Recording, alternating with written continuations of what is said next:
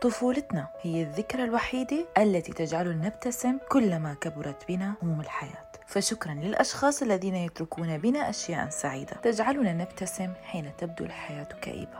بطلة حلقتي لليوم مرام من العراق اللي رح تحكي لنا حكايتها وتخبرنا عن حلمها اللي تأسس أثناء فترة علاجها من السرطان. أنا مرام محمد من العراق عمري 14 سنة أدرس في صف الثالث متوسط هوايتي الرسم والمطالعة. وبلشت الحكاية من هاللحظة من أنا صغيرة أعاني من حرارة والتهاب لوزتين وضيق تنفس كلش قوي لدرجة إني أروح المستشفى أحط أكسجين بس ماكو أي فائدة. أي طبيب ما كان يعرف إنه ممكن هاي الأعراض تكون أعراض cancer. وحتى كانت دائما عندي ال white BC الكرات الدم البيضاء نازلة عندي ما تبين بالتحاليل إنه أكو خلايا خبيثة. إلى أن جتي سنة 2020 تحديدا شهر الواحد تأزمت حالتي كلش. صارت عندي حرارة كلش قوية ضيق تنفس كلش قوي ما أقدر أتنفس دائما. كل يوم بالليل نروح لل emergency الطوارئ بس ماكو أي أحد اكتشف هذا الموضوع. لحد ما طلع عندي مي بالرئة اليسرى. رحنا بعد ما بالمستشفى سحب المي. بينت عندي الغدد اللمفاوية برقبتي. من خلال التحاليل اكتشفنا إنه عندي لوكيميا سرطان الغدد اللمفاوي الحاد.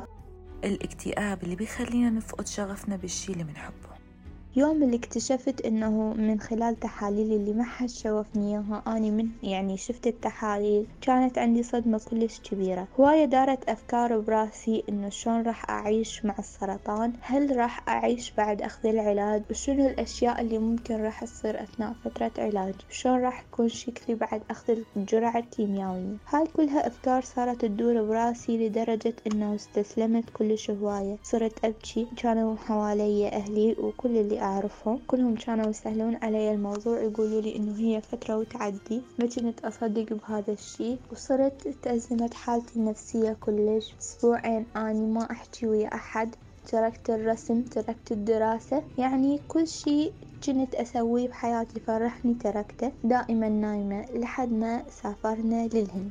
وبعد ما صارت بالهند وصار لازم تبلش مرحلة العلاج. بالهند أخذوا من عندي خزعة من النخاع الشوكي حتى يعرفون تشخيص الحالة جيدا. طبعا كنت رافضة فكرة علاج الكيميائي تماما ما كنت أريد أبدا أخذ. وعن أول جرعة كيماوي. صار وقت إنه آخذ الجرعة البدائية فأخذتها للجرعة البدائية وكلش تأزمت حالتي ما بعدها. صار عندي آلام كلش فظيعة بالجسم حرارة جدا عالية لدرجة توصل أربعين واحد وأربعين. طبعا كل هذا الحكي والمي بعده بالرئة كانت الصوندة ما زالت محطوطة لسحب المي مال الرئة فدائما كنت محبطة نفسيا بسبب الأجهزة اللي حوالي اللي ما تركتني. الكانولات اللي ما تنزل من ايدي والسيروم المغذيات كلها كانت معلقة وما تنزل من ايدي كل هاي الفترة كانت أمي وياي وأهلي وكلهم كانوا دائما يساندوني بس أني حالتي النفسية ما زالت تتحطم أكثر فأكثر هل تغير شي بعد الجرعة؟ كل شي إيجابي تركته ظليت دائما محبطة ظليت دائما ما أتكلم ويا أحد. لحد ما قرأت عن موضوع ال cancer قرأت عن الوضع اللي أنا بيه نوع المرض اللي أنا بيه قرأت إنه هو نسبة الشفاء بيه تسعين بالمية. هذا الشي فرحني جدا وبس يراد له قوة وصبر وإرادة. فأنا قلت إلى متى راح أكون هيج واتخذت قرار إنه أكون قاهرة للسرطان. من خلال مسيرتي أثبت للناس سرطان هو مرض بسيط بس يراد له قوة وصبر وإرادة استطاعت مرام تقبل الأمر وبدأت رحلة التحدي والإصرار للانتصار على السرطان لكن هل استمر هالأمر يا ترى؟ رجعت للعراق حتى أكمل علاجي الكيميائي اللي راح يستمر سنتين ونص من بداية علاجي إلى الآن. كانوا معي أطباء وممرضين وهم من أحسن الكوادر الطبية صراحة اللي شفتهم بحياتي لأنه دائما يحاولون ينشرون الطاقة الإيجابية للمريض حتى لا يحس إنه هو دا ياخذ علاج كيميائي. بديت آخذ العلاج المكثف اللي هو كنت كل يوم عندي جرعة كيميائية تستمر ساعة أو ساعتين فبدأ الوجع يزيد بجسمي بدأ شعري يتساقط. من بدأ شعري يتساقط حسيت إنه الدنيا كلها اسودت بعيني. نفسيتي صارت زفت رجعت مثل أول. فدائما كانوا الأطباء والممرضين يحجون وياي يحاولون ينسون الموضوع حتى لا يحس الواحد إنه هو غريب عنهم لأنه الفترة اللي بقيتها بالمستشفى هي أربعين يوم.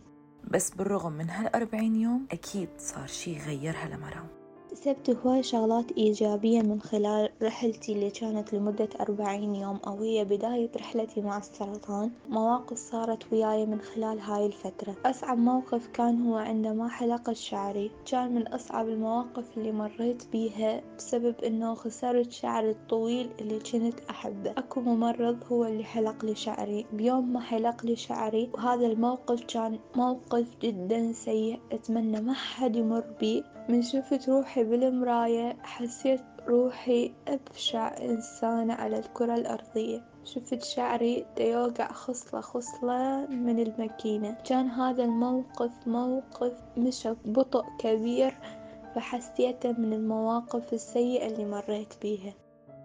فهذا الشي كان دائما يأثر بي. إنه أتذكر شلون حلق شعري. كان هذا الشي يخليني أصير أقوى حتى لا أرجع أعيد نفس المواقف من خلال إنه الخلايا ترجع تتجدد. وهذا الشي أكيد ولا محارب سرطان يريد يرجع له. بعد فترة رجعت للبيت وصرت أخذ الجرعة البطيئة اللي هي كل أسبوعين مرة. بهاي الفترة وإلى حد الآن كادر الطبي اللي كانوا يعتنون بي ما عافوني أبد ولا دقيقة ولا ثانية. ثانية أي موقف سيء ألجأ لهم.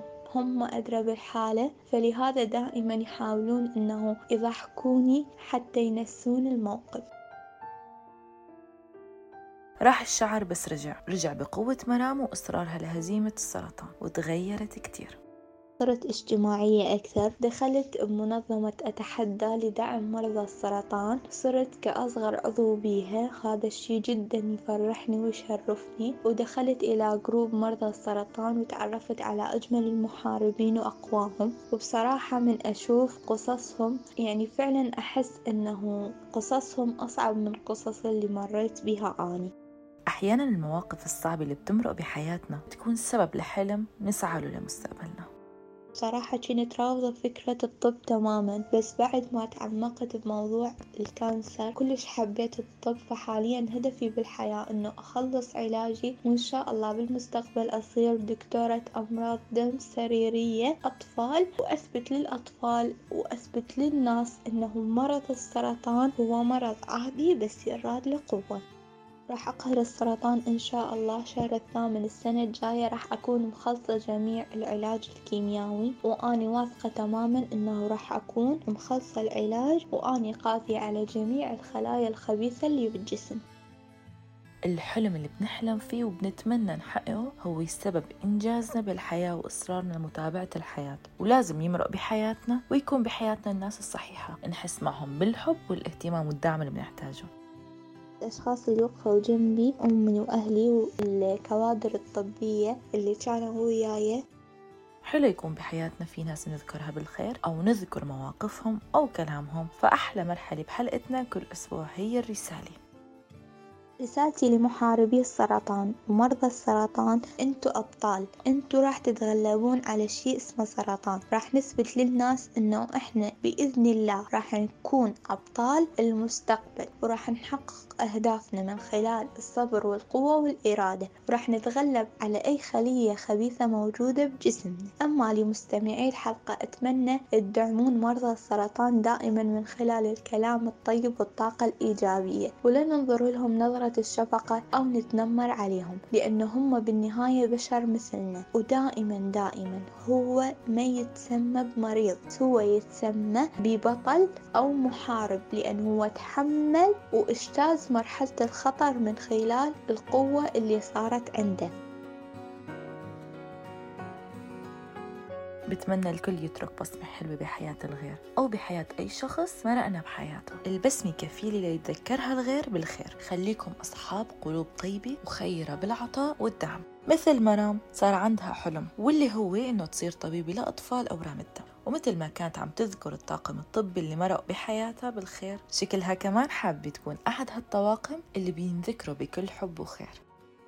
هاي كانت حلقتي لليوم من بودكاست حكايتي مع السرطان. كنت معكم أنا غيتاء مراد آغا. استنونا بأمل جديد وحكاية أمل جديدة. سلام!